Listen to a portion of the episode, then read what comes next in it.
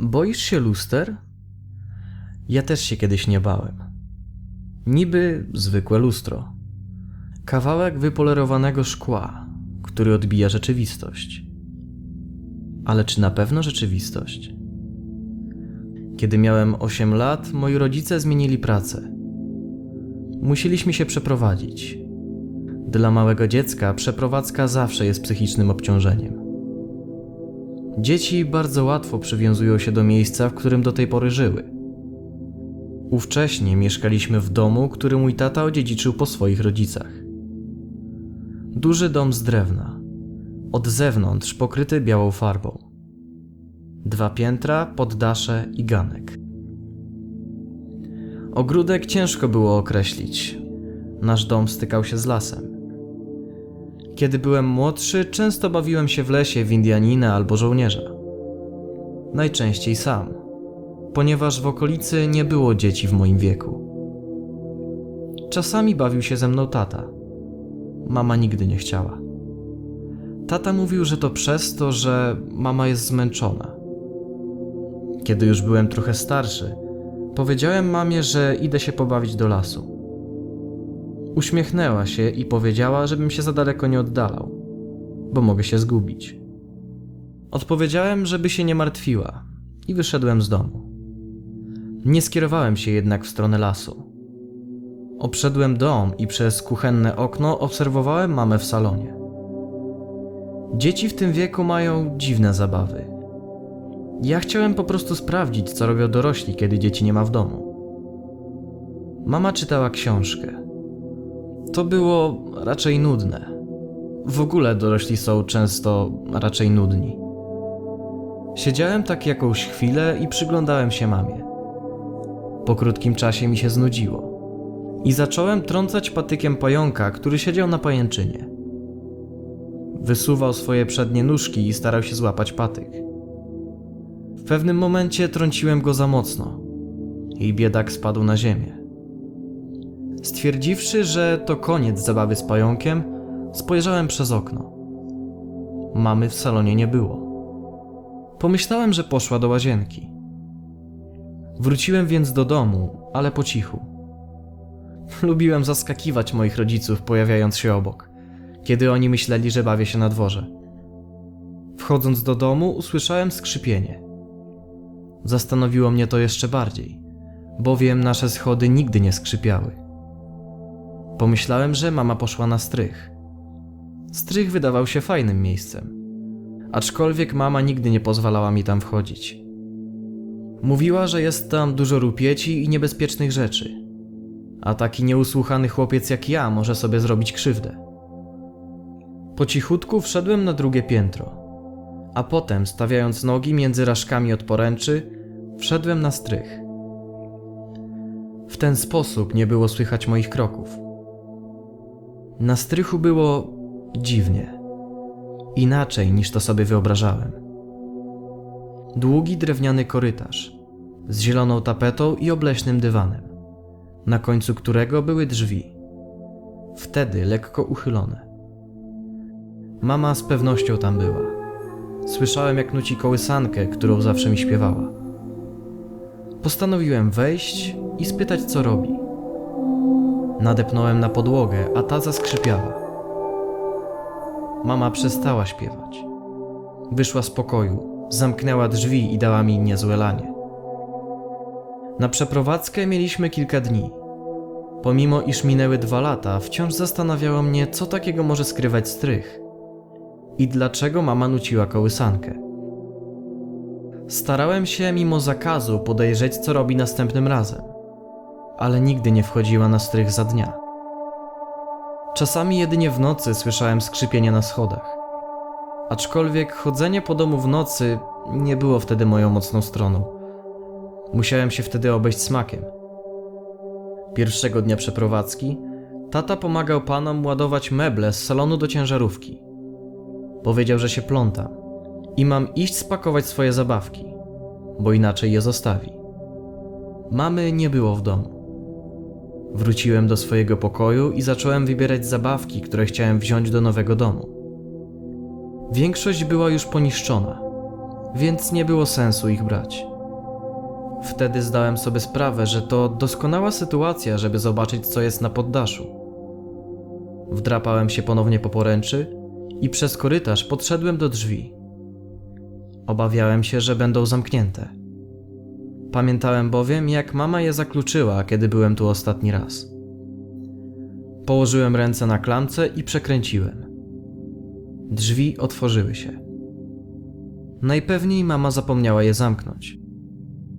W pokoju było dziwnie. Do tej pory myślałem, że trzymamy tutaj niepotrzebne rzeczy.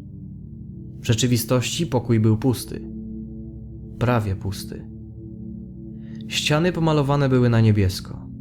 Pod oknem znajdowało się małe łóżeczko. Pomyślałem sobie wtedy, że to moje łóżeczko sprzed kilku lat. Na podłodze leżały moje stare misie i kolejka, którą myślałem, że zgubiłem. Po środku stało lustro. Okrągłe lustro na czterech nogach. Podszedłem do niego i długo się w nie wpatrywałem. Wszystko było takie samo. Aczkolwiek lustro miało w sobie coś, co nie pozwalało mi oderwać od niego wzroku.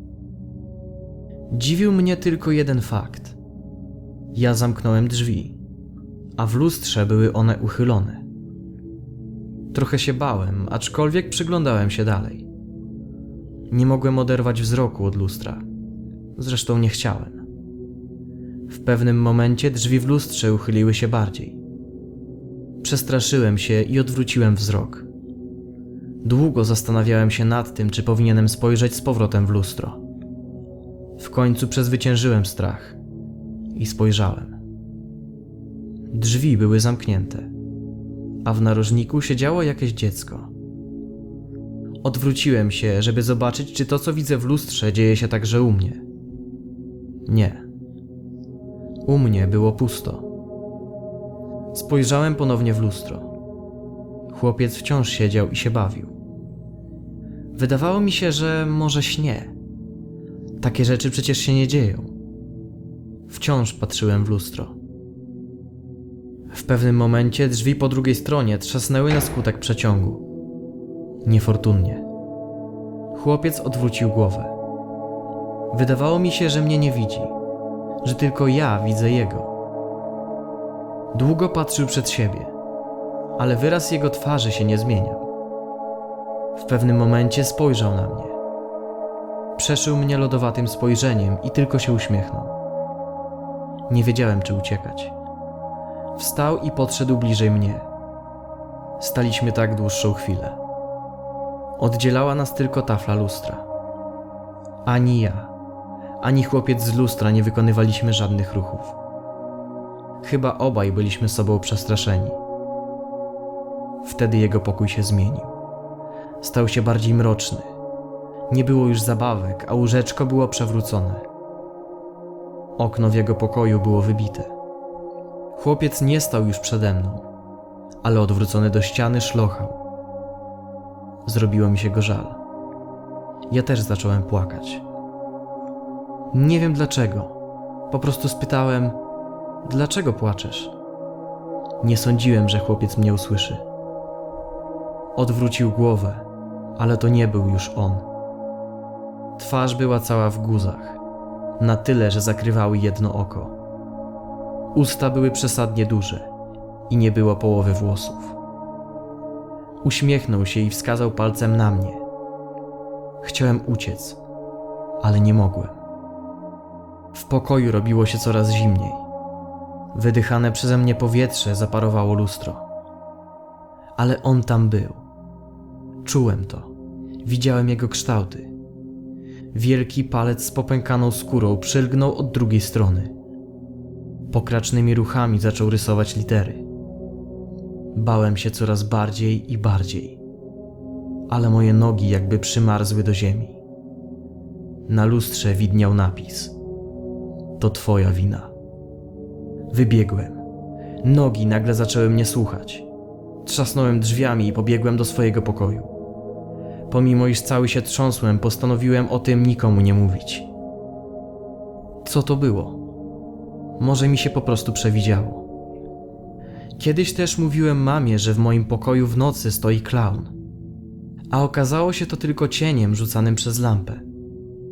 Może naprawdę sobie to wyobraziłem. Długo nie mogłem się opanować. Do wieczora siedziałem w swoim pokoju. Po kolacji poszedłem umyć zęby. Lustro jest wyżej niż umywalka i nie dosięgam do niego głową. Umyłem zęby, wypłukałem usta i wyplułem. Wytarłem twarz i poszedłem do swojego pokoju. Na półpiętrze mieliśmy wielkie lustro. Mama często się przed nim stroiła, kiedy tata zajmował łazienkę. Wchodząc po schodach, spojrzałem na nie mimochodem. Był tam. Stał i pokazywał na mnie palcem. Nie wiem, czy bardziej bałem się jego, czy tego, że mama się dowie, że byłem na poddaszu. Zamknąłem oczy i poszedłem do siebie. Zasnąłem prawie od razu. W nocy obudziło mnie zimno. Wstałem i podszedłem do szafki po drugi koc. Na górze było słychać kroki. Ale to nie była mama. Wiem, że to nie była mama. Mama spała u koleżanki.